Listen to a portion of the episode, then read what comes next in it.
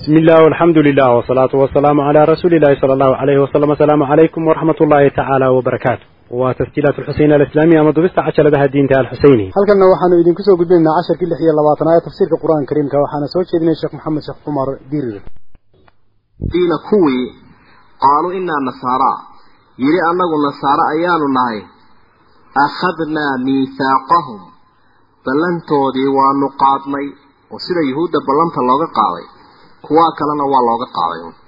Sidaasoo kale unbaa dadka muslimiinta ana ilaha uga qaaday. Marka rasuulkoodana miithaaqa way la gelayeen ummad waliba kitaabkoodana waa ku qornay sidaas iyo waa lagu akidayey caalamu darna horaa looga qaaday qolo walba. Marka qaaluu inaa nasaara magaca inay la baxeen dabeetana loo daayay baa ka muuqanaya. Marka ahlu kitaab qur'aanku waa ku sheegay nasaaro waa lagu tilmaamay. Laakiin masiixiyiin oo kale culimada qaarkood baa ka dooda oo yidhaahda. Dee waxa ay tahay nisbo nebi ciise loo nisbaynayo. Dar loo nisbayn karana ma aho dee raadkiisiiba hayaba fa nasuu waxay ilaaween oo iyaguna ay ka tegeen xadan qayb weyn oo mimaa dukiruu bihi waxyigii lagu waaniyey ahaa. Waxyigii lagu waaniyey qayb weyn oo ka mid a ayay ka tegeen ilaaween macnaha ka tegidooda sidii wax iloo kalaa ka dhignay. Fa aqraynaa waxaanu dhex dhignay baynahum dhexdooda alcadaawata colaad waalbaqdaa'a iyo nacaybshiiyo ilaa yawmi alqiyaama ilaa dharaarta qiyaamaha nacaybshiyahan iyo colaadani waa dhex taalla.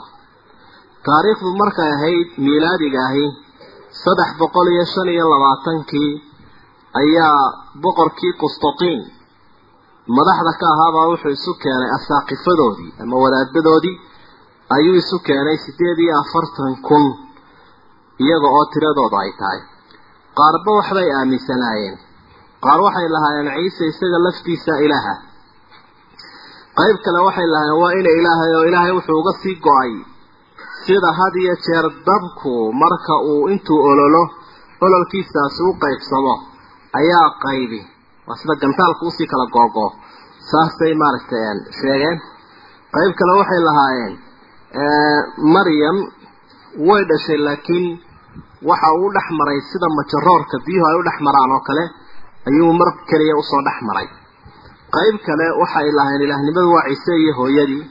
Qayb saddexaad waxay lahaayeen sidana imika aaminsan yihiin oo ah ilaahnimadu waxay ka koobantahay al aqaniima halaatha waa ruuxulqudus iyo ciise iyo hooyadii ayay ka koobantahay ninkii sida dee macruufka ah ee kutubahaba aad ka raajici karaysa ibnu kasiirka laftiisa uu ka warramayo muxaadaraatun fi nasaara uu maxamed abu zuhra ka warramaya isaguna. Waxa uu kala reebreebay markaas isaguna waxa uu ahaa nin ka soo baxay qolada majuusta oo nasaarada nasraaniyad diinta waxba ka garanayn bu waa kii dabeetna kala eryey qaarkood laayay intii uu doonayay unbuu la soo hadhay oo intan markaas tii faaftaya. Nacaysiyahaasi waa mid taagan oo aan hadhaynin inkastoo marka islaam ay noqoto ay dee nasaarada iyo yuhuudduba meel ka soo wada jeedaan. Haddana iyagana laftigooda balaayadaasaa dhex taalla ilahay uri fa aqraynaa baynahum alcadaawata waalbaqdaaa ilaa yawmi alqiyaama waana iska macruuf waktigii dambe kiniisadu ishaysigeedii waa ka keenay reer yurub iyo galbeedkuba inay tuuraan iyada oo intay la coloobaan ay la dagaalamaan ay iska riixaan. Iyaga laftigooduna dee kiniisaduna siday dadka u gashay waa la ogaa akhiiran. Oo colaadii haddana iyagiiyo dadka dhex martay. Waktiyadan dambe muddadan labada boqole sano laga joogo. Kiniisaduna dee colaadii dadka dhex martay iyo maamulada waxay gaadhay. Barafka yurub hiitar waxa u ahaa dadka. Ayay samayn jireen intay soo ururiyaan dadka ayaa sida halkan oo masjidkeenan oo kale lagu soo ururinaya dadkoo la buuxinaya. Dee dadkuna markay meel isugu yimaadaan kollay waxay leeyihiin oomi. Halkaasaa lagu kululaynaya dabeedna dadka laga sii dayn jiray. Sida imika masjidkeenani dadka badan uula kululiyay? Ilaa heerkaasay gaadhay dulmiga ay dadka ku hay taasina waata keentay diin iyo inay iska riixaan raggeediiba. Markii ay jawrkaa badan samaysay nacaybshiyahaasi wuxuu dhex yaalaa iyaga iyo ummadooda kooxahooda lafdigooda. Laakiin ilaahay waxa ummaddan uga digayaa nacaybshiyahaasi inuu soo guuro oo uu dadkan dhex yimaado. Waa cudur iyaga ku dhacay ay tahay inaanu soo gaarin dadka muslimiinta. Alla wuxuu ihi wasawfa yunabi'uhum allahu rabbi hadhow buu uga warrami doonaa bimaa kaanuu yasnacuun wixii ay samaynayeen ilaahay baa u warrami. Kaasaa samayseen kaasaa samayseen kaasaa samayseen saasumaa lagu dhaafaya ma aha laakiin qur'aanku marka uu tilmaamo in waxa loo warrami doono dee waa la ogolaysiinaya waa la qirsiinaya dabeetana abaalmarin baa ku xigaysa wey. Ilaahay wuu u baaqay yahuud iyo nasaaro waxau ihi yaa ahla alkitaab kuwii kitaabka la siiyayow qad jaa-akum waxa idin yimi rasuulunaa rasuulka iyagii baa idin yimi. Maxaa ka sharaf badan rasuulkaa ilaahay uu isu tiiriye ee uu ihi rasuulka iyagii rasuulka ilaahay nabi maxamed baa soo ayaa la soo diray calayhi salaatu wasalaam. Rususha khatimay rasuulka iyagii baa idin yimi oo nebi maxameda yubayinu lakum wuxuu idin caddaynayaa dad yahow kasiiran in badan oo mimaa shaygii ka mid a. Kuntum aa ahaydeen tukhfuuna kuwa qariya oo min alkitaab ay ilkutub. Kutubtii laydinku soo dejiyay in badan oo ka mid a oo qarin jirteen oo xagga hoose gelinayseen wuu bayaaminaya oo uu caddaynaya. Wayacfuu wuu iska dhaafayaa can katiir in badan oo iyadana qariseenna iyadana maba wada sheeginba nebigu calayhi salaatu wasalaam si aayaadka dambena aynu ku arki doonno waxyaabaha markaa fadeexadoodu ay sii weyneyd iyo fashilaadooda ayaa nebigu uu ku qabqabtay calayhi salaatu wasalaam. Alla wuxuu ihi qad jaa-akum min allah. Dad yahow ilaahay xaggiisa waxa idinka yimi nuurun iftiin iyo wa kitaabun mubiin iyo kitaab cad ayaa idin yimi marka aimada qaarkood nuurkaa waxay ku fasireen nebi maxamed calayhi salaatu wasalaam maadaama qur'aanku uu ku tilmaamay siraajan muniira inuu yahay dayax iftiimaya. Marka kitaabkaa cad ee waadix ah iyo nebi maxamed calayhi salaatu wasalaam oo isaguna nuurkiisa gaadhsiinaya caalamka oo dhan oo kitaabkan muuqaalkiisa bixinaya. Iyo sida loo fahmayo labadaasoo iswata ayaa idin yimid baa ilaha wy aimada qaarkoodna waxay tilmaamayaan nuurkan inuu yahay unka kitaabka laga faa'idaysanayo waa qur'aankan kariimka ah iyo nuurka uu leeyahay. Ilaan dad aan diin lahayn ama waxyigan samaawiga haysanin gudcur bay ku jiraan ilaahay waxau ihi yahdii bihi llaahu waxa ilaahay uu ku hanuuninayaa kitaabkan man itabaca ridwaanahu cidda raali noqoshihiisa raacda subula asalaam jidka badbaadada ayaa ilaahay uu ku hanuuninaya jidka badbaadada.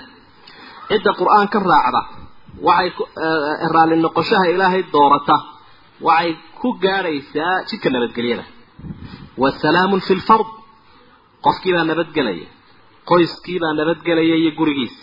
Waxaa nabadgelaya waddankii waxaa nabadgelaya qofka adduunkiisa iyo aakhiradiisa. Caalamkao dhan baa nabadgelaya. Waa salaam iyo badbaado aan meel la ka maqnayn. Maxaa uga baahi badan maanta? Caalamka salaamka ah. Waa adiga arkay kufrigii markuu xoog yeeshay meel walba in la cabsanayo. Iyaga dhexdoodii baa cabsanaya. Oo dayuuradii iyo tareenkii fuulila. Dadkii muslimiintaabaa cabsanaya cid waliba way cabsanaysa. Waxaan waxaa keenay dulumaadka alla laakiin waxa uu tilmaamayaa ummaddan oo raaci lahayd diintan samaawiga ilaahay uu soo dejiyey shayga ay baahida weyn u qabaan oo badbaadada ah ayay heli lahaayeen oo ay raaci lahayd subul assalaam jidka lagu nabadgelayo.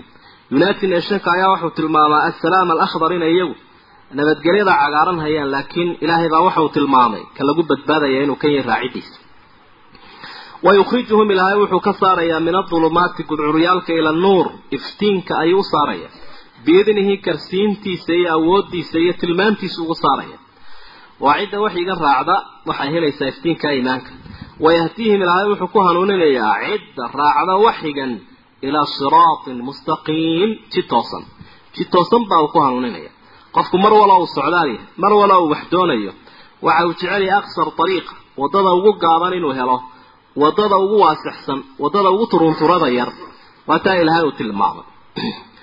Marka ummadihii hore ayaa ilaahay u baaqay waxaana uu ku hanuuninayaa oo farayaa kitaabkanaa ka ka dambeeyey kutubtoodii rasuulkanaa ka dambeeyey rusushoodii markhaati bay ka yihiin oo way ogsooyin oo kutubtooday ka akhriyayaan inaanay ku bakaylin laakiin iftiinkan ay qaataan. Waxa aayaadku markaa si cad ay u tilmaamayaan risaalada rasuulka sala allahu calayhi wasalam inay caam tahay siduu nabiguba in badan xusay calayhi salaatu wasalaam wa buucistu ila annaasi caama ilaahay dadkao dhan buu ii soo diray rususha halka dee risaaladoodu gaargaar ay noqon jirtay risaalada nebigu waa caalami laqad kafara buu ilahay yihi xaqiiqanimo way gaaloobeen. Aladiina qaaluu kuwii yidhi ina allaha huwa almasiixu bnu maryam. Ilaahay waa ciise bnu maryame kuwa yidhi dhabnimo e kuwaasi kufriba u baxeen intay afka kala qaadeen bay yidhaahdeen ilaahay waa ciise waa firaqa iyo kufaarta dee nasaaradu waxyaabihii ay aaminsanaayeen weeye. Ama ay maaragtay mar walba dee idaacadahooda haddii ay dhegaysato wax mulaaqan oo aan la fahmaynin oon hor iyo daba lahayn mubtado la bilaabayo oon khabar lahayn ciise almasiixu sidaasuu yeelay oo sidaasuu yeelay waa kuwa idaacadaha ka soo daynayaan bayballada yaryara sawirada ay ku qoran yihiinna ee nacnaca sitana ay halkeennan ku qaybinayaan. Yaa laytahum guuldaradooda dadka qaarkood baa wax ka dhagaysanaya kuwa wax moodaya. Faqul waxaad tidhaahdaa nebi maxamedow faman yamliku yaa hananaya min allahi shay-an? Ilaahay xaggiisa yaa wax ka hananaya. Oo dhib uu soo jeheeyay yaa joojin kara ilaahay. In araada rabbi hadduu doono an yuhlika almasiixa bna maryam. Ciise bnu maryam inuu halaago hadduu doono iyo wa ummahu hooyadii waman fi lardi jamiican iyo khalqiga dhulka ku nool oo dhan. Ilaahay cawda hadduu doono inuu jaro ayaa ka joojinaya. Ciise ilaahay baa lagu sheegay oo iyagu ay ku sheegeen. Hooyadiina sidoo kale way ku sheegeen.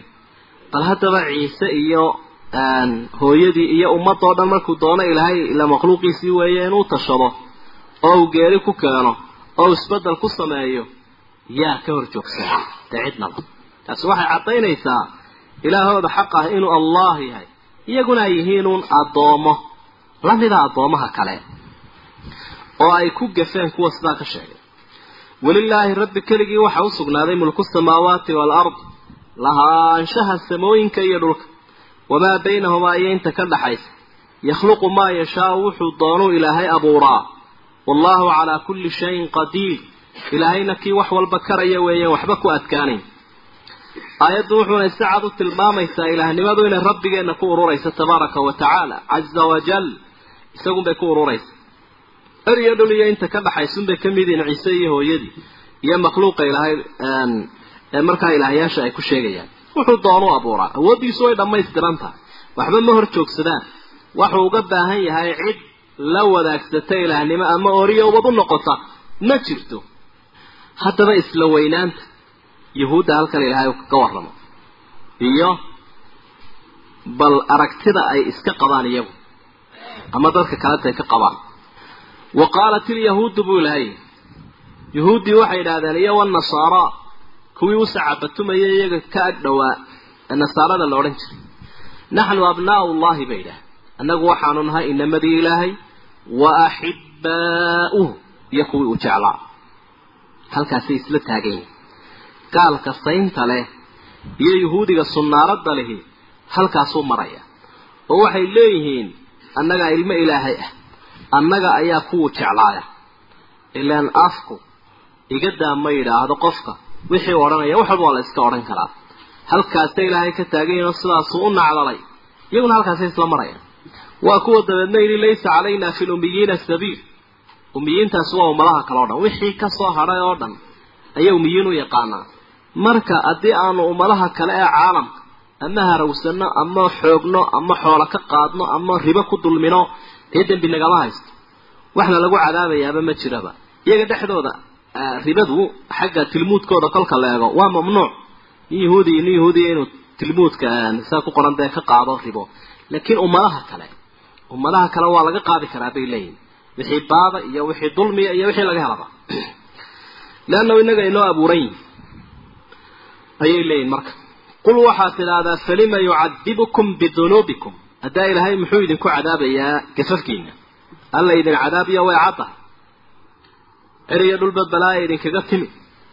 Wadnaha jiridiisaa laydin gooyo marar badan baa dhimateen dembigiina maxaa la idinku ciqaabay? Haddaad sidan tihiin bal waa idraab intiqaaliya macnaha ma jiro waxa hore sheegteen antum idinku basharun miman khalaq bani aadam baad tihiin dadka uu abuuray un ka mid ah.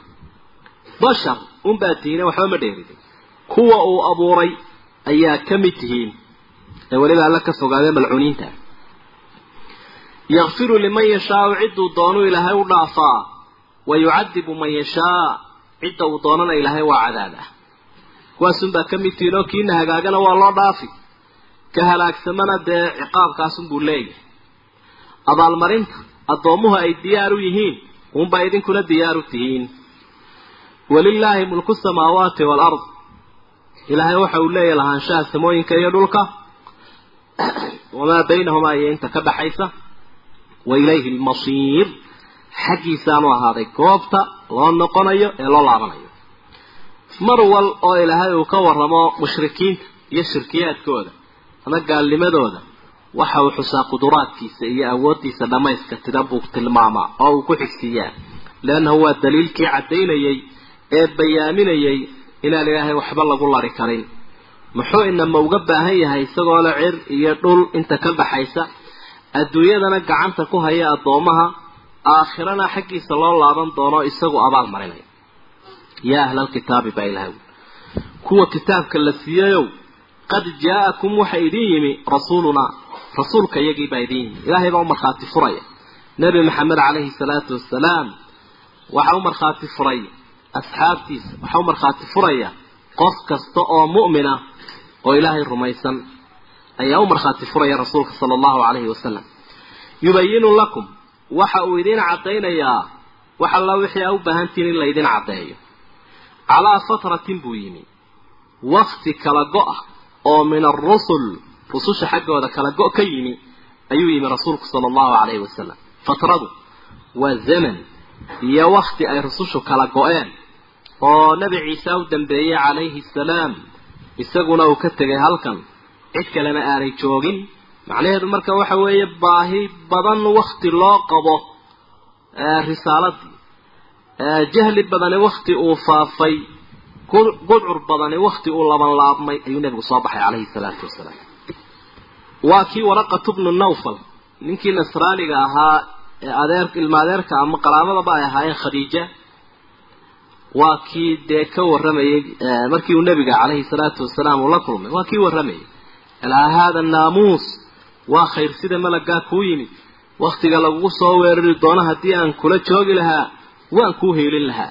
Saasuu lahaa la sii ogaa an taquuluu si aydaanu odhanin maa jaa-anaa nooma imanin min bashiirin walaa nadiir.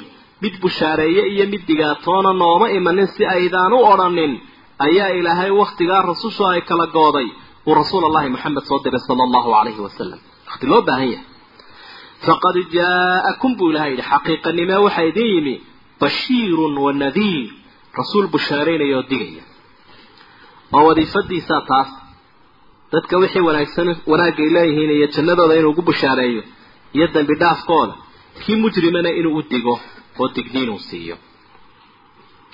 Wallahu calaa kulli shayin qadiir. Ilaahay baa wax walba kara wax walba ilaahay wuu karaa.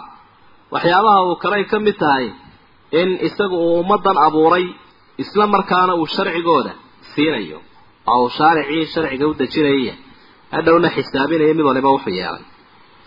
Haddaba nimankii ahlu kitaabka ahaa loo yeedhay ee yuhuudda ahaa taariikhdoodii baa ilaahay mar kale uu dhinac kale inaga tusaalaynaya. Dhinac kale ayaa ilaahay uu inaga tusaalaynaya iyo jihaadkii la faray iyo fulaynimada xaajadooda ku dambaysay waa niman fulayaala oo adduunyo jecel se ilaahayba uu tilmaamay yawaddu axaduhum law yucammaru alfa sana. Mid iyaga ka mida wuxuu jecel yahay cimrigiisa in kun sano laga dhigo. Kun boqol waxaan way la yaryihin laakiin kun bay xiisaynayaan cumriga. Waxa ay digdig leeyihiin ay leeyihiin hubka wax dilaanu haysanaa haddana cid ka fulaysani ma jirto. Taariikhdoodan ilaahay uu ka warramo bay maantana ku tilmaamay. Waa kuwaa qayliyaye leh yaa naga qabta falastiinta nagu qarxaya. Ilaan dadka waa la cabsi gelin jiray bay idhahdaan waxa lagu cabsi gelin jiray waan ku dili. Iyagii baaba isdilaya bay idhahdaan bal sidaanu yaalla xaggaanu istaagnaa ilaahay waxau uhi waid wakti xus nebi maxamed ow qaala muusa liqawmi nebi muuse qoladiisii reer banu israa'iil ku yidhi yaa qawmi qolyahaygiiow udkuruu nicmat allahi calaykum. Ilaahay nicmada uu dushiina yeelay xusuusta. Ilaan dadaan ilaahay barwaaqadiisa hoos u eegaynin waa zay alxayawaan waa sida xayawaankaa iska daaqaya baadka iyo doog oo kale. Dadka wanaagsana saalixiinta ahi mar walba wixii u soo kordha mar walba wixii dheeraadahay leeyihiin alxamdu lilah alxamdu lilah alla u celinayaan way ogsoonyihin markaasaa dabeedna ilaahay u kordhinaya war nicma ilaahay uu idin siiyey xusuusta buu nabigani leeyahy id waktidaa ilaahay uu idiin nicmeeyey jacala fiikum ambiyaa ambiyo badan buu dhexdiina yeelay oo ambiyo badan buu idinka soo saaray. Wajacalakum wuxuu idinka yeelay muluukan kuwa madaxa. Wa aataakum wuxuu idin siiyey maa shay buu idin siiyey lam yuuti aanu siinin axaddan min alcaalamiin. Caalamiinta cid ka midaba waxaanu siin buu ilaahay idin siiyey macnaha wuxuu idinka dhigay madaxdii diinta iyo duunyada. Dadku waxay helaan dee labadaasoo isu waafaqo isugu hagaaga u roon diintii iyo duunyadii. Marka labadaba ilaahay uu idin siiyey ambiyadii u badnayd baa idinka soo baxay muluuk iyo boqorrano uu idinka dhigay. Waa taariikhaha dahabiga ah ee soo maray reer banu israa'iil waktigii ay u talinayeen ambiyadii muluugta ahaa. Waa ambiye rusula oo haddana boqoraa sida nebi daawud nebi sulaymaan. Marka wajacalakum muluukan bacda an kuntum mamluukiin weeye intii ahaydeen mamluukiin la leeyahay waa laydin lahaa.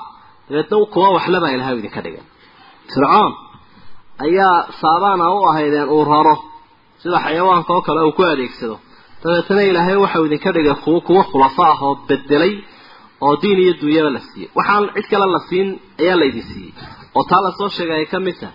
Oo ay ka mid tahay dee raashin iyo sharaab karintiisii laga xil qaaday oo ilaahay xaggiisa casuumad ka timo diyaarsan oo safaari ahoo la soo xidxidhay ayuunbaa loo keeni jiray inkastoo ay yidhaahdeen xejin mayno la nasbira calaa طacaamin waaxid. Inkastay halkaa ka fadkudiyeen haddana wax badan baa laydin siiyey. Daruuro soconayo oo loo hadhaynayo marka dadka wax badan baa dheeraad kale ka leedihiin bal hadda hoos u eega haddaba taasi waxay keenaysaa ilaaha waxaa wanaagsan u quuray addoonka inuu addoonkuna wixiisa wanaagsan quuree naf iyo maalbale.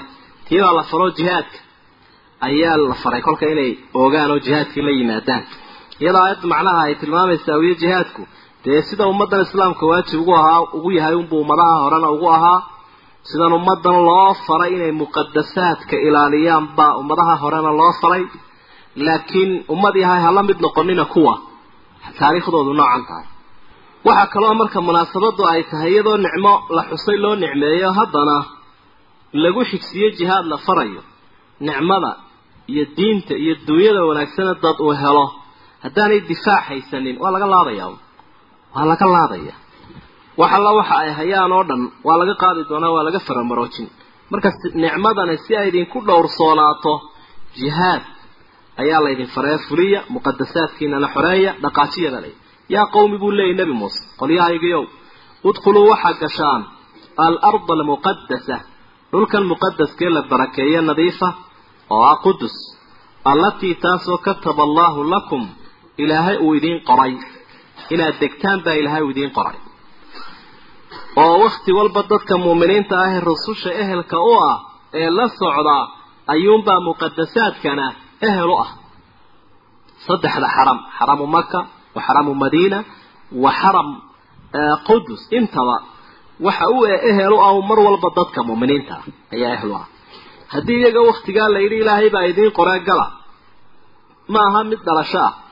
Ma aha miday ku mutaysteen jinsiyad iyo wadanimo laakiin waktigaa dad muuminiina laha marka ay gaaloobeenna cidda bedelaysa waa dadka muuminiinta ah sidii markaa saxaabadii nebiguba ridwaanullaahi calayhim iyo saalixiintii naga horreeyay ay uga xodhayeen walaa tartaduu buu leeyahy ha noqonina calaa adbaarikum xaggiina dambe.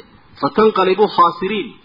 Way idin gadoomi doontaan idinkoo guuldaraystay haddaa xagga dambe u laabataan oo diin baa lahaydeenoo horaa u socoteene haddaad dib u gurataan waxa idin gadoomiyo idin laaban idinkoo guuldaraystay ilaan dadaan diin lahayn khasaara uma dhinne. Qaaluu waxay yidhaahdeen markii jihaadka la faray nimankii reer banu israa'iil maxay yidhaahdeen waxay yidhahdeen inna fiihaa qawman qolaa ku jira muusow. Halkaa ah jabbaariina waaweyn daraca maaliqoo khatar a baa dhex jiifa bay idhahdeen wa innaa anaguna la nadkhulhaa geli mayna bay idhahan qudus xataa yakhrujuu minhaa. Jeeray ka dareeraan oo ay ka baxaan. Fa in yakhrujuu minhaa haddii ay ka baxaan fa innaa daakhiluuna dee markaasaanu geli bal hadda mandiqaa eg.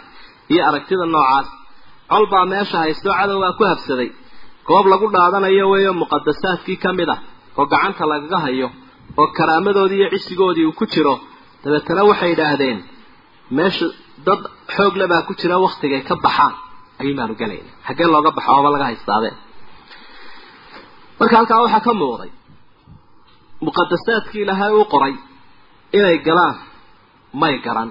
Cisigii lala doonayay may garan. Dulli bay raalli ka noqdeen fulaynimo ayay maldaheen ay caddaysteen marka waxaad odhanaysaa maa ashbaha leyla bilbaarix xalay iyo caawa maxaa isageen dadka muslimiintaa marka qudus la soo qaado maanta macnawiyaadkooda wuxuunay sheegayaan ama si macnawiya ay u leeyihiin haddaanay afka ka odhan ina fiiha qawman jabbaariin wa inaa lan nadkhulahaa xataa yakhrujuu minhaa.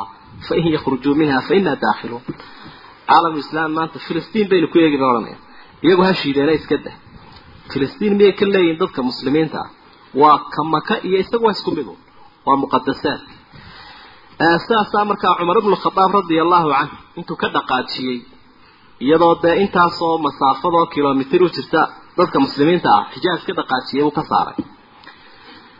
Mudday haysteen lagu tilmaamo boqol sano malaha meelahaasay ahayd markii dambe ay dib u qabsadeen kristanku muddo boqol sano meelahaasay haysteen dabeedna ilaahay waxa u diray ninkii kurdiga ahaa iyo muslimiintii uu ka madaxda ahaa oo si adag u jebiyey macrikadii xitiin la odhan jiray. Ciidankii lixdanka kun ahaa lixdan kun bay cagta mariyeen dadka muslimiinta oo waktigaa ku xeernaa shan boqol iyo saddex iyo siddeetankii taariikhdu markay ahayd toddobiyo labaatankii rajab wakti subaxnimo ah ayaa dabeetana uu galay oo uu ka safeeyey oo jimco ah. Jimcaha jimcihii ku xigayna waa laga oogay dee kale aynu rajaynaynaa insha allah. Carabina dee cigaalkii unbay lulaysaa. Inaguna waxaynu leenahay afrikaan baynuna uma dhowin.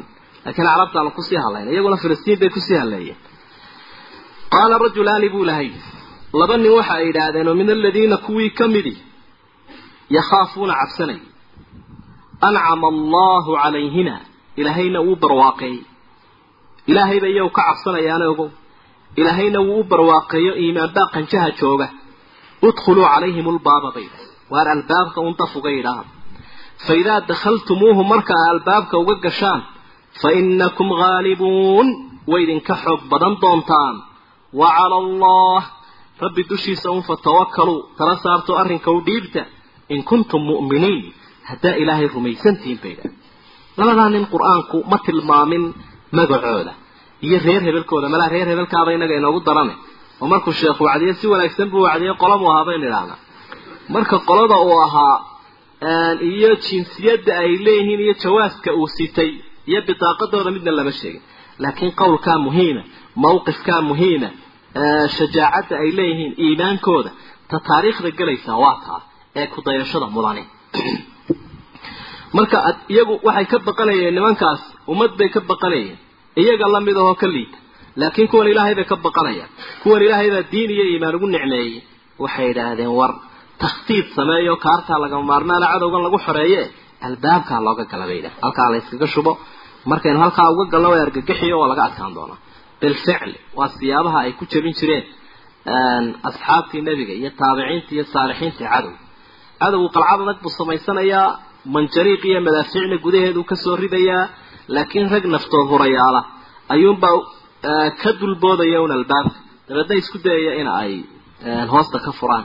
Siyaabihii lagu xoreeyey dagaalkii adkaa qaadisiya sidoo kale markii ay waktigaa aynu tilmaamayna salaaxudiin laftiisu qudusuu xoreeyey meelaha laga galay bay ka mid ahayd in albaabadii la jebiyey. Dabeetana rag qalcaddii gudaha u dhacay oo la burburiyo dabeedna halkaa la dalooliyay muddo intii gaadh laga hayay kadib. Wa cala allahi fatawakkaluu in kuntum mu'miniin. Macnuhu markaa waxa weeye intaasaa isku dhaaban dhiiranaan ilaahay oo la tala saarto farsamo milatari oo la keeno. Qaaluu waxay idhahdeen yaa muusa muusow bay idhahdeen inaa anagu nebi muusena xataa may nebinimadiisii may tilmaamine muusow bay leeyihiin waa hadal qallafsan oo ka kanaani ka muuqanayso. Inaa anagu lan nadkhulahaa abadan. Weligayo geli mayna bay idhahdeen maa daamuu fiihaa intay dhex fadhiyaan. Nimankana intay ku jiraan loogu tegi maayo bay idhahdeen fadhab anta warabbuk adiga iyo ilaahaagu israaca faqaatilaa la dagaalama ina haahunaa qaaciduun. Annagu halkanaanu yuururaynaa halkaa ayaanaan dirganaynin oonu fadhinaaye bal adiga ilahay israaca bal afxumadaha heerka waa xishood la'aanta ay leedahay kufriga. Addoonkoo ilaahay ku dhiirada oo waxaan ka mudnayn ku yidhaahdaa waxay tilmaamaysaa kufriga qajaha jooga maqaaladaasaa qur'aanku uu ka qoray kana soo gudbiyey nimankaa reer banu israa'iil inay rasuulkoodii ku yidhaahdeen. Waxaa xusid mudan oo la baaldhigi karaa si aad u aragto farqiga udhexeeya baqaaladii ay yidhaahdeen asxaabtii nebigu maalintii beder markuu nebigu lahaa ashiiruu calaya ayuha annaas xaaladdu way adkaatay. Cadowgii baa kambalka madiine yimi. Kun nin meelaha weeye. Asxaabtii nebiguna waa saddex boqol. Safar bay u socdeen oo umay soo diyaar garoobin inay cadow la dagaalamaan. War bal ka taliya buui dadka qaarkood aan noqonna bay idhaahno dee aan soo diyaar garowno dadkii soo kicino dar kale macno kale ay soo jeed waxay soo jeediyeen fikrado kale. Kolba asxaabta qaar baa hadlo oo muhaajiriintii u badnaa. Nebiguna wuxuu leeyahy calayhi salaatu wasalaam ashiiruu calaya ayuha annaas waar dadow tala bixiya. Ilaan insaanka aad tidhi maxay kula tahay? Fikrad soo jeediya tidhi aan fulina haddaba aanu u dhaqaaqo male marka ansaartiibaa waxay le waxaan filaynaa inaad inaga noo jeedo. Haa waxay idhaahdeen xaggaaga horeaanu ka dagaalamayna hareeraha dhan walba. Odhan mayna sidii reer banu israa'iil ay yidhaahdeen fadhab anta warabbuka faqaatila ina haahunaa qaaciduun. Odhan mayno laakiin cadowga waan ku hinjinaynaaye waxaanu ula hadhaynaana ma jira dagaalka bilow. Bidur bal isaacatu mawciduhum wasaacatu adhaa wa sidii baana ilahay guusha uu ku siiyey qaala rabbi nebi muuse maxaa hadhay dee cabashuu ilaahay u gudbiya waxau ihi rabbi yaa rabbi ilaahaygiiyow inii laa amliku ilaa nafsii wa akhii. Laa amliku buu ihi ma hayo ilaa nafsii wa akhii. Anigiiyo walaalkay haaruun ayaan ku hayaa wax tirsan. Col kale oo isku hadlayn lahoo la aamini karoo cadow lagu hadlayaa ma jiro. Ilaa warbixintaasaan soo gudbiyey fafruq na kala saar buu ihi baynanaa annaga iyo wa bayna alqawmi alfaasiqiin iyo kuwan ilaahay oo kaa fogaaday. Balna kala xukun buuri oo waxay waajib yeesheen ilaahay u mari xaq waxay u leeyihiin qaala markaa wuxuu ilaahay yidhi wuu cuqubeeyo fa inahaa magaalada qudus la yidhaahdaa muxaramatun calayhim. Waa laga xaaraantinimeeyo ma gelayaan. Ma gelayaan iyagay dan u ahayd cisi iyo karaamo iyo sharaf bay u ahayd. Laakiin kol hadday taa garan waayeen waa laga xaaraantinimeeyey oo talow xaggee loo bedelay. Arbaciina sanatan afartan sannadood yatihuuna fi lard ayay dhulka wareersanaan doonaa oo tiiha shayga la yidhahday arbaciin sana ku jiri doonaa. Marka saddexda dhibcood ee arbaciina sanatan labada dhan ka xiga waa xagga macnaha iyo qiradaba way husaynaysaa waa la xidhiidhaa waana lagu bayaaminaya fa inahaa muxaramatun calayhim arbaciina sana. In sidaa la isu raaciyo iyo in la yidhaahdo qaala fa inahaa muxaramatun calayhim arbaciina sanatan yatiihuuna fi lard laakiin labadan la isku taagi karayn oo intoo muxaramatun calayhim la isku taago haddaynay arbaciina sana la iskuma taagayo arbaciina sanatan waa markaa dhan walba ka go'aysa ama xagga hore waa in la raaciyo ama xagga dambe wareerkaasaa dabeetana ku dhacay sida loo wereeriyeyna dee naskuma tilmaamin laakiin umataha wareersan bay ahaanoo caqligii uu ka lumo horiyo dabadiida ayay noqdeen falaa ta'sa cala alqawmi alfaasiqiin dadka faasiqiinta ah waxba ha u murugoon baa layihi had dhowto markaad aragtay iyaga oo isku meeraysanaya oo karaamadii iyo ummadnimadii iyo deegaankii iyo dibudejintii wixii oo dhamiba ka lumeen waxba tolkaa ha u murugoonine dee ogow inay abaal yeesheen. Inkaartani xaggay ka tin haddaba. Ummaddan sidan ilaahay uga soo horjeedsaday iyo rususha talow yaa ka sii horreeyay isagun oo markaa asal u sii ahaa. Dabeedna qaabiil iyo qisadiisii ama labadii ilmo aadam iyo kii gefka sameeyey gardaradiisii iyo jariimadu halka ay ka soo bilaabantay iyo kaasi inuu dembi iyo gaf ku leeyahay sunnaha xun uu jideeye awgeed ayaa halkan rabbi uu ku tilmaamay. Waxaa kaloo uu xusayaa arrimo la xidhiidha xuduudda iyo waxyaabaha tashriicaadka ilaahay addoomaha uu jidaynayo sida qisaasta iyo xaddulxiraaba iyo sariqadii xeer ciqaabeedyo dhowra ayaa alla tilmaamayaa marka lagu caddeeyey kadib in insaanka intooda liidataa aanay gaf waayen goor walba dulmi ay shaqo u noqon doono watlu calayhim ba waxaa dadka ku dul akhridaa naba-a bnay aadama labadii ilmo bani aadam warkoodii bilxaqi ku ah. Magacooda qur'aanku ma tilmaamin. Kutubaha adiga ku arkay qaabiil iyo habiil balay xataa xadiidka nabiga caleyhi salaatu wasalaam wuxuunu xusay uun qof kastaoo wax dila oo dil gardarro ah wax ku dila dembigiisa inta uu qaatay in la eg baa saaran ina bani aadamkii hore ee gardarrada wax ku dila oo qaabiil ahaa leanna awalu man sana alqatl waa kii ugu horreeyey ee dilka gardarada jideeyey buu ahaa. Marka aayadii xadiisoona may tilmaamin qaabiilka iyo habiilka laakiin waxaa iska suuragala in kutubihii hore iyo laga soo naqilo magacaas kutubahana waa ku badantay kolle waa ku xusin. Ka qaafkana wax dilay bay yidhaha ka hadalina kala dilay buu qaabiil iyo habiil id wakti xus qarraba ay dhawaadeen ilaahay ugu dhawaadeen qurbaanan casuumadii iyo raashin ay sameeyeen bay alla u dhigeen. Fatuqubila min axadihimaa midkood ayaa laga aqbalay oo ahaa kala dilay. Walam yutaqabal min alaakhar kii kale isaga lagama aqbalin. Qaala wuxuu yidhi intuu soo booday kii aan laga aqbalin la aqtulanaka buu ka bilaabay. Dee waaban ku dili buui qaala markaa kii kalena wuxuu yihi inamaa yataqabalu allah dee ilaahay wuxuu wax ka aqbalaa min almuttaqiina kuwa dee ilaahay ka cabsanaya. Dee mad ilaahay ka cabsatada laga aqbalee sababtu waxay dhan allahu aclam laakiin waxa la tilmaamaa in sidaa dee naskuba u cadeeyey qurbaanka ay sameeyeen kala noocu ahaa ayaa la xusaa dabeedna qurbaankana siyaabaha loo dhigi jiray ba ahaa in banaan la dhigo ama ha ahaado raashin ama hilib ha ahaado ama wax kaleba qofku waxa uu ilaahay ugu dhawaanaya meel buu dhigaya. Kolkaa haddii la aqbalay dab baa ku soo degaya oo naarba hafay soo qaadanaysa haddii aan la aqbalinna halkiisaasu iska oolaya isagoo baarixi noqon doona halkaa baali ku noqonaya raashinkaas. Marka ninkan wixiisii iyo raashinkiisii wuu suuq galay oo naartiibaa soo degtay. Kana wunuu iska yaalay dabeetana wuu ismadax maray in ilaahay wax ka aqbalay buu ku xaasiday waa ibliiska yidhi aadam maxaa loogu sujuuday iyo maxaa lagu sujuuday ana khayru minhu? Asalka waxaa la yidhahda jariimadaha iyo asalka cadaawadu waxa ay ku salaysan tahay xasad iyo qaadan waan ayay ku salaysantahay halkaasuu dabeedna ka bilaabay. Naaqtulan inan bay isku qabsadeen iyo waxyaabo la sii raaciyo wey laakiin kollay qurbaankan unbuu nasku tilmaamay. In midna laga aqbalay midna aan laga aqbalay siyaabaha loo aqbalayna dee sidaaba waxaa tilmaamaya xadiidka waa siyaabaha qaniimadana loo aqbali jiray bay ka mid ahay waa qaacido caama inamaa yataqabalu allahu min almuttaqiin.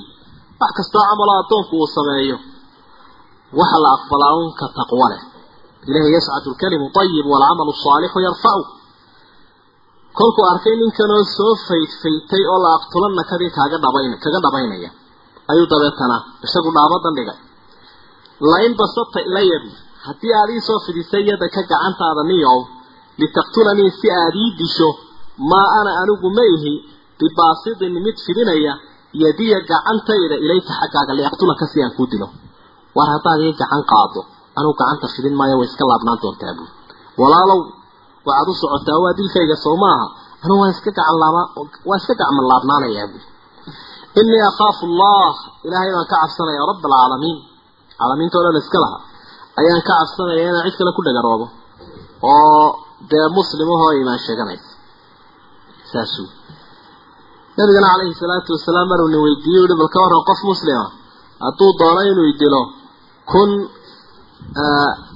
ka khayra bnay aadam ka khayr bnay aadam. Labadii ilmo bani aadam kii khayrka badnaa ee yidhi anu waa iska gacnamlaabnaan doonaa balkii saasoo kale noqon. Aduu ka wax dilown ha inii uriidu buuri anigu waxaan doonayaa an tabua inaad la noqotood xambaarata biismii dembigayga iyo wa ismika dembigaaga fatakuuna min asxaabi innaar dabeetana aad ka mid noqoto kuwa naarta gala ee la saaxiiba. Dembigayga iyo kaagaba inaad qaadato ayaan doonayaa oo isaguma dembi buu leeya waaba la dilayde. Kan wax dilaya dembigiisa la garayo dee waxbuu dilaya? Kan kale la dilay miskiinka ah ee madluumka ah dembigiisu waa maxay nabiga calayhi salaatu wasalaam caddeeyo qofka dulmi laga galo maalinta qiyaamaha wixii uu dembi leeyahy intoo laga soo raro ayuunbaa kii daalimkahaa dusha loo saara. Xasanaadkiisiina waa la rifi oo akownkiisa waa la casaynaya. Waxalla wixii xumaan iyo aafaad uu lahaa qofka la dulmiyeyna intoo laga qaadaa kan kale daalimkaa lagu wareejinaya. Kala wareejintaasaa dhacaysa. Marka dembigii aniga sidayda ii saaraa waabaad iga salabayn doontaa buui oo waxaan la roorayaan kugu reebi doonaa dee tafadal bu cajab badan wey waa waa geesi buu noqday. Wadalika kaasi jazaau aalimiin dulmi falayaasha abaalkooda waa kaa. Isagaa sidaa sheegay ama ilaahay baaba saa tilmaamoon ka waraninba abaalka daalimku waxa weeye inuu isku darsado dembigiisa iyo qofkana dembigu lahaa. Fadawacat lahu waxay u qurxisay nafsuhu naftiisii qatla akhiihi walaalkii dilkiisii. Waa walaalkiisii aabba wada dhalay dilkiisii bay u qurxisay naftiisu. Halkaa waxa ka arkaysaa nafta iyo shaydaankaa qofka xumaanta u qurxiya. Xumaantuna waktiga hore aad bay ula quruxsan tahay qofka. Hadday sina tahay hadday khamri tahay hadday dembi tahay ee dil tahay hadday qowl xun tahay. Marka hore way la quruxsan tahay. Marka dambena murugada soo socota ayaa macsiyada ku xigta. Fa asbaxa dabeetana wuxuu noqday faqatalahu wuu dilay fa asbaxa wuxuu noqday min alkhaasiriin kuwa guuldaraystay adduunye iyo aakhirabaan baa ku dhacday oo insaanku markuu walaalkiisii diin iyo islaam iyo iimaan kula walaalhaa uu dilo dee garabkana wuu isgooyey oo adduunye la'aan baa ku dhacday oo albaab cadow buu soo furay. Aakhirana aafaad u dambeeya fa bacatha allaahu quraaban ilaahay baa tuke soo diray. Tuke xayawaanaadkuna dee sidaas iyaguna isaga joogeen kolkaa tukahaasi wuu joogaa tukaa la soo diray. Yabxathu fi lard dhulka ayuu qodaya xabaal buu isku dayo afkiisa iyo adimadiisa uu ku qodaya liyuriyahu si uu u tusiyo kan oo wax dilay. Kayfa yuwaarii sida uu u qarin lahaa saw-ata akhiihi walaalkii xumaystiisa ilan jinaasadan walaalkii ishiisa way ku xun tahay kumana fiicna haddaba sida uu isaga qarin lahaa ayuu tusayaa tukahan marka tuko kale oo isaguna baktiyu soo qaatay wuu isag dhigay waa kanoo waa qodayaa dhulkii wuu aasaya halkaasaa laga ilaan guuldarrada ku dhacday wax horoo la aasi jiray iyo wax horoo wax dilay iyo waxba ma muuqdaana wuu bilaabay. Balaabi isagay ka bilaabantay. Dabeetana way ku baahday. Qaala markaa waxa uu yidhi dhowr murugaa haysato dilkan walaalkii dil uu geystay iyo kuu dilay oo walaalkii iyo jinaasadiisii oo ku qurantay waxaan oo dhan baa isugu rasaysay yaa weylataa buuhi hoogayga acajaztu miyaan ka daalay an akuuna inaan noqdo? Mithla haada alguraab tukahan oo kale ma tukahaasaan ka liitaa buuri fa uwaariya dabeed aan qariyoon asturo saw-ata akhii walaalkay xumaystiisa iyo jinaasadiisa jinaasadiisanay xumaynaysay moralka iga dishay inaan saasoo kale u qariyo miyaan ka daalay fa asbaxa min annaadimiin wuxuu ka mid noqday kuwa murugaysan macsiyadu marka hore waxay u bilicsanaato shaydaankiiyo naftu qofka u qurxiyaanba fa asbaxa min annaadimiin ninbaa nin kale u yihi walle inaan ku dili buuri walle inaad adiguna magaalada ka carari buuri haddii aad disho dee waana joogaynin waad carariyo dabeetana waa lagu waayin marka fa asbaxa min annaadimiin kuwa murugaysan ayuu ka mid noqday min ajli daalika baa ilahay ui dilkaa darti dilkaa dulmiga aad dartii ayaanu shuruucdan soo socota dejinay. Iyo qiyaastan iyo tilmaantan. Katabnaa waxaa min ajli daalika kaa dartii dilkaa dulmigaa dartii katabnaa calaa bani israa'iila reer banu israa'iil waxa aanu ku qornay u tilmaanay kutubtooda ku cadaynay annahu arrinku inuu yahay man qatala nafsan bikayri nafsin qofka naf dila ee gardarra ku dila. Aw fasaadin fi lardi bikayri fasaadin fi lard iyadoo qofkaas aanu dhulka fasahaadinin oo qofka naf dila waa la dili. Qofka dhul fasahaadiya sida qoladan soo socotee dhuljiifka oo kale ciqaabtooda aynu ku arki doono qofkaana waa la dili. Haddaba qofka aan labadaa midnaba geysaninka dila fakaanamaa qatala annaas waana isagoo dadkii laayay jamiican iyagoo dhan. Dadkii oo dhan mid laayay ayuu ka dhigaya qofka qof sidaasaa hore loo qoray waman axyahaa qofka naf nooleeya fakaanamaa axya annaasa jamiican. Waaba isagoo dadkii oo dhan nooleeyay buu ka dhigayay dadkii oo dhan. Balo fiirso aayad. Macnahana hoosu dhigo. Lafdiga un dee ayuu kugu adkaanini oo sida loo laqbaynayo ha iska helini bal macnaha iyo waaqica iyo nuxurka aayaddu ay xambaarsantahayna dhaman qofka naftiila wuxuu ka dhigan yahay isagoo bulshadii wada dilay qofka naf badbaadiya wuxuu ka dhigan yahay isagii oo bulshadii badbaadiya oo kale marka taa macnaheedu waxa weeye dadka waa isku xaq leeyihiin karaamo iyo xurmo keliya haddii la soo jebiyo oo gidaarkaa laga soo dhaco wuna waa kii caddaa iyo kii madoobaa un haddii ka madow lagu soo horeeyo ka cadina wuu ku xigaa un marka adugu waxba tolkiini ka dhiganay in adeerkaana ha u arki. In la qariyo oo dee hebel hebel uu yahay oo asturid mudanna ha u arkine hadduu kan soo dilay adigana wuu kugu socdaa haddaanad sheegin isaga. Ama aan ciqaabtiisa la marin ama aanad madluumka la safanin adna wuu kugu socdaa. Leanna waa isku naf keliya waa isku xijaab keliya ayaa ku gudban iyo xaajis keliya. Taa naskuba uu tilmaamaya ilaahay uuna barayo fakanama qatala annaasa jamiica marka mar walba waxa uu la safan yahay qofka muuminka ahay madluumka. Marka madluumkii aada la safato macnaheedu waa inaad xaqaagi ilaaliso sidaa darteed baa ilahay ui walakum fi lqisaasi xayaa yaa uli lalbaab qisaasta dadka waxkaradka ahow xayaata idinku sugan. Oo karaamadii naftaa meel haddii laga dhacay taadana waa laga dhacay ogow. Nabiguna calayhi salaatu wasalaam waxa uu xusay man caana daaliman sullita caleyh qofka qof jariimad gala oo qof dilay la safta isagunbaaba lagu sallidaa allana wuxuu leeyahy wakadalika nuwalli bacda aalimiina bacda aalimiinta waan isku sallidaynaa oo hadduu kani daalim ahaa ka kalena la safta ista waa laga horgeynaya waa duruus loo dhigayo marka nafta sida loo noolaynayaana waa badbaadinta. Geeridaa laga badbaadiyey gaajaa laga badbaadiyey dulmibaa laga badbaadiyey. Qofka intaa qof ka badbaadiya bulshadii waxbuu taray ogow. Walaqad jaa-atum buu ilahay yihi xaqiiqanimo waxa u timi reer banu israa'iil rusulunaa bilbayinaat rusushayadii mucjisaad bay ula yimaadeen uma ina kaiira minhum. In badanoo reer banu israa'iil ka midii bacda dalik intii rusushaa wax caddaynaysa ay u yimaadeen kadib fi lardi lamusrifuun waa kuwa dhulka aafaynaya. Lamusrifuuna fi lard dhulkay ku xadgudbayaan. Dal iyo dadba aafeeye. Yahuuddu iyadii oo ilaahay diintii oo rusulu u soo diray ayaanay guddoomanin ee dal iyo dadba ay aafeeyeen saasaa ilaahay markhaatigaas uga furay. Waxaa haddaba halka naska ilaahay uu ku tilmaamaya cidda bal musrifiina fi lard dhulka ah ee fasahaadinaysa ciqaabka yeelanayaan.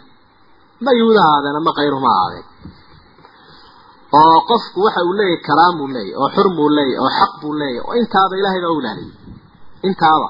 Si aynu soo maraynay subul asalaam jidkaa nabadgelyadu ku noolaya adduuniya aakhirada.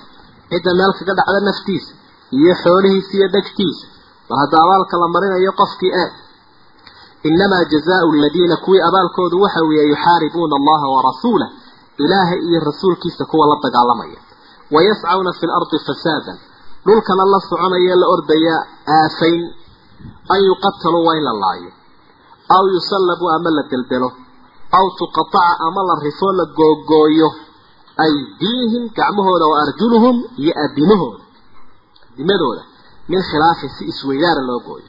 aw yunfaw min alard ama dhulkaba laga masaafuriyo intaa in lagu sameeyo weeye kuwa ilaahay rasuulka la dagaalamaya abaalkooda kii qori qaatay amahu ee dabeetana berigii hore waxaa la odhan jiray burcad baa la odhan jiray dagaaladu magaca ay soo kordhiyeenna muxuu ahaa dhuljiif dhuljiif buu isaguna no ee dhuljiifeeye jidgoynta galay isaga waxaa ilaahay ku tilmaamay inuu rabbi iyo rasuul la dagaalamay qofka ilaahay la dagaalamaya rasuulka maxaad u taqaanaa? Waa ka ugu liid haddaba ka bulshada xaqoodii meel kaga dhacay wixii ilaahay rasuulkuba u ilaaliyeen qur'aanku uu ilaaliyey waxa weye rabbi iyo rasuul la dagaalamaya afar cuquba halkan aayaddu ay sheegtay.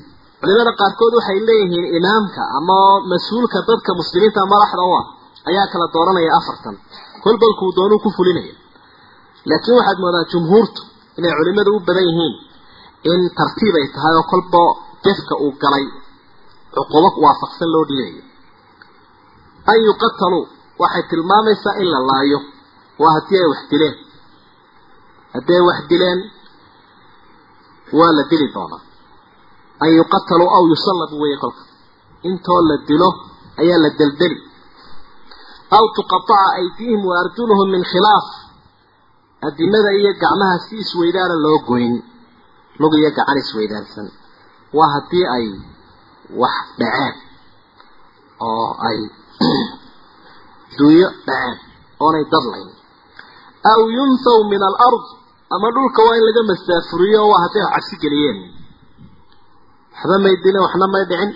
Laakiin mar haddii la yidhi halkaa ayaan loo dhawaanin jidgoyn baa ku jirta. Dhuljiif baa halkaa jooga haddii la yidhiba dadkii sawkaa wadnuhu soo wada baxay.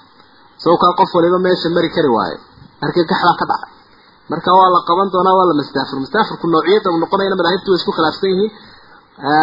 Laakiin daahirka waxaa ka muuqanaya in meeshii uu jariimadan ku sameeyey meel ka fog siberiyada ugu dhown baa la geyn doonaa halkaas mastafur ku ahaado. Aimada qaarkood waxay tilmaamaanba mastafur inay noqon karto in la xidhaaba aayaddu sababta ku soo degtay waxay ahayd niman baa nabiga u yimi calayhi salaatu wasalaam. Nimankani calooshay ka xanuunsanayaan waxay u baahan yihiin inay qush baxaan oo ay dacar baxaan. Dabeetana rasuulku sala allahu calayhi wasalam wuxuu yihi geela halkaa jooga ee sekada ah. Ilan xoolaha sekada xoolo badan beeno la soo ururiyo halkaasa lagu dhaqaya bal hadda geelaas irmaan u tagoo caanihiisa iyo kaadidiisa isku darsada waa dawo rasuulku dhakhtar buha sala allahu calayhi wasalam sidii bay yeelanoo geelibay u tegeen caanihii iyo kaadidii bay isku darsadeen. Dabeetana way caafimaadeen waa xoogeysteen waa la halkaasun bay idhaahdeen unkani wax laga tagaba maaha. Warbaalku wanaagsana.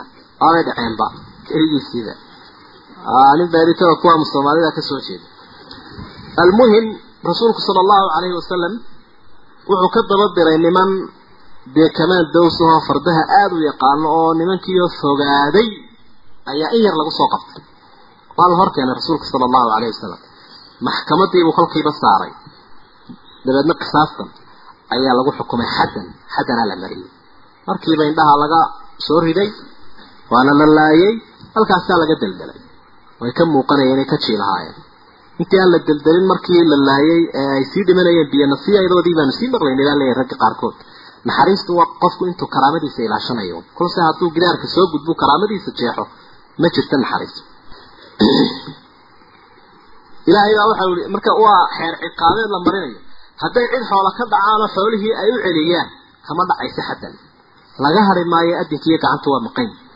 Alla waxau ihi dalika lahum khizyun fi dunya. Adduunyada kaasi dulli buu u yahay. Waa lagu dulaynayaa walahum fi laakhirati cadaabun cadiim. Aakhirana cadaab weyn bay leeyihiin cadaabkooda waa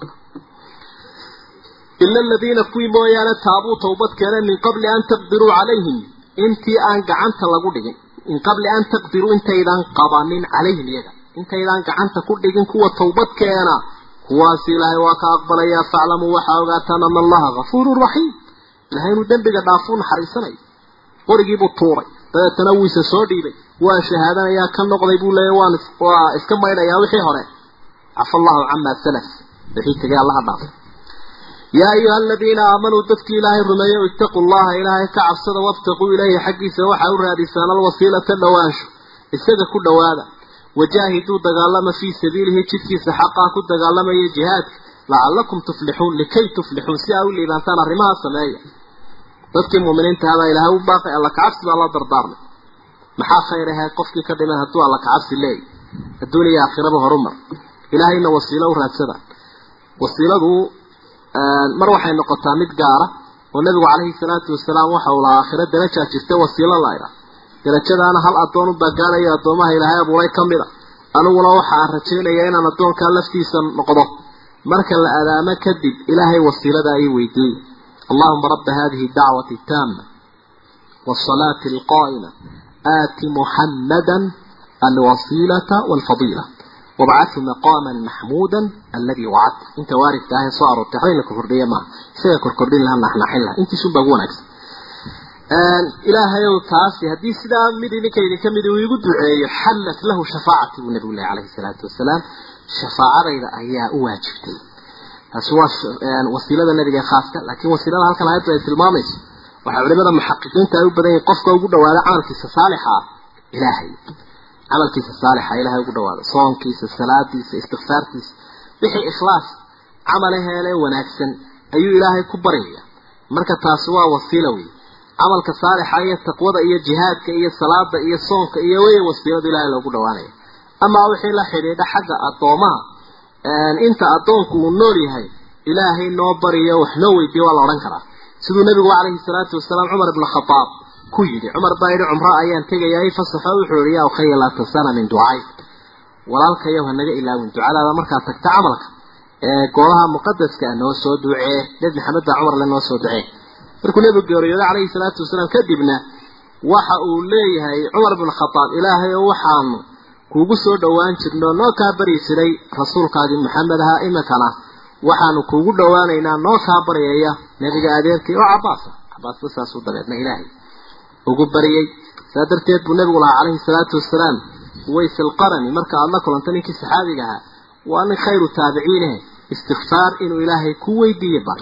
Nusuustu saasay isu ayidaysa laakiin qofku haddii uu dhinto ilaahay unbaa isaga dembi dhaaf loo weydiinayaa siduu nabigu lahaa calayhi salaatu wasalaam marka xabaalaha timaadaan u duceeya assalaamu calaykum diyaara qowmin mu'miniin. Inaa in shaa allahu bikum laaxiquun. Antum faradunaa wanaxnu bilafari yakfir allahu lanaa walakum iyagaa loo ducaynaya kolkaa. Alla waxau ihi ina aladiina kafaruu kuwii gaaloobay low ana lahum hadduu sugnaado maa fi lardi jamiican. Wax alla waxaa dhulka ku sugan ee adduuniya dhaqaale iyo maala. Wa milahu macahu iyo in kaloo lagu daray oo la eg liyaftaduu bihi si ay isaga furtaan min cadaabi yowmi alqiyaamati maalinta qiyaamaha cadaabkiisa si ay isaga furtaan maa tuqubila minhu lagama aqbaleen. Wax wax adduunyaha hadday soo ururiyaan waxa ka horreeya horta kuma laxa jeclaabayaan ee way soo qadimayaan markay soo qadimaanna lagama aqbalayo. Walahum cadaabun aliim cadaab kululna way leeyihi yuriiduuna waxay doonayaan an yakhrujuu min annaari. Maalintaa inay naarta ka soo mur yidhaahdaan bay doonayaan. Wamaa hum bikhaarijiina minhaa kamana baxayaan. Walahum cadaabun muqiim. Cadaab daa'ina bay leeyihiin wasaariqu buu ilaahay yidhi kii wasaariqu kii waxaday wasaariqatu iyo gabadhii waxaday faqtacuu u dheereeya oo gooya aydiyahumaa gacmahooda. Gacmaha la jaro. Jazaan abaalmarin awgeed bimaa kasabaa wixii ay shaqeeyeen ayaa laga abaalmarin nakaala min allah. Waa cuquba ilaahay xaggiisa ka timi awgeed. Wallahu casiizun xakiim. Ilaahay baa awood badan xikmadna uu jideeyey xukunka. Faman taaba ka towbadkeena min bacdi dulmihi intii uu gardarada sameeyey wa aslaxa wanaajiya wuxuu qaribay fa ina allaha ilaahay yatuubu calayhi wuu ka towbad aqbalaya. Ina allaha ilaahay gafuurun raxiim. Dembiguu dhaafaa wuu naxariistaa. Alam taclam miyaanad ogeyn qofkan lala hadlayo kitaabka akhriyaya ana allaha ilaahay lahu waxa u sugnaaday mulku samaawaati waalard lahaanshaha samooyinka iyo dhulka. Yucadibu man yashaa ciduu doono ayuu cadaabaya. Cadaab addunya mid aakhiraba wayakfiru liman yashaau ciduu doonana wuu dhaafayaa wallahu calaa kulli shayin qadiir. Wax walba ilaahay wuu karaa. Ka xukunkan ilaahay muxuu u jideeyeyo munaasib ma aha leh ee qabsanayana cidi waxba ka dhagaysan mayso waxay ciqaabeedkii tuugada qofkan tuugaa markiisa hore damac baa ku jira. Wuxuu aamini waayey kasabkiisi iyo wax soo saarkiisi dabeetana wuxuu ku duulay qof kale kasabkiisii. Marka labaad mustaqbalkiisii buu ka warwaray. Dabeedna sidaa uu u fikirayaa loo raacayo wixii wax ku soo saaraya adimadiisi iyo xubnihiisiina waa laga jaray mustaqbalka laftiisiina waa taasoo waa laga madoobeeyey. Marka ayaan darada iyo iimaan la'aanta ay leedahay tuugadu ayay aayaddu cadaynaysa nabiguna calayhi salaatu wasalaam waxa uu lahaa allaha nacdala ka tuuga ahe wax yar buu xadaya baydadii iyo xarigii iyo markaasaa gacantiisa la goynaya han yara. Idan markaa waa xukun ilaahay uu dooray sidaa uu tilmaamay ana allaha lahu mulku samaawaati waalard gaalna laga dhagaysan maayo. Hadduu yidhi tuuga gacanta ha loo daayo cid kalena loo joojin maayo. Laakiin qof dadka muslimiinta ah waa waajib la gudban siba madaxdooda iyo cidda dee markaa fulinta u joogta. Ilaahayna wuu kala xisaabtamaya iyagoo awoodaya hadday yidhaahdaan galbeedkaana laga soo eegaya iyo kuwii wax noo dhiibi lahaa amana ictiraafi lahaa waa ayaan daro jirta xisaabta ilahay marnaba kaga fakan maayaan wallahu aclam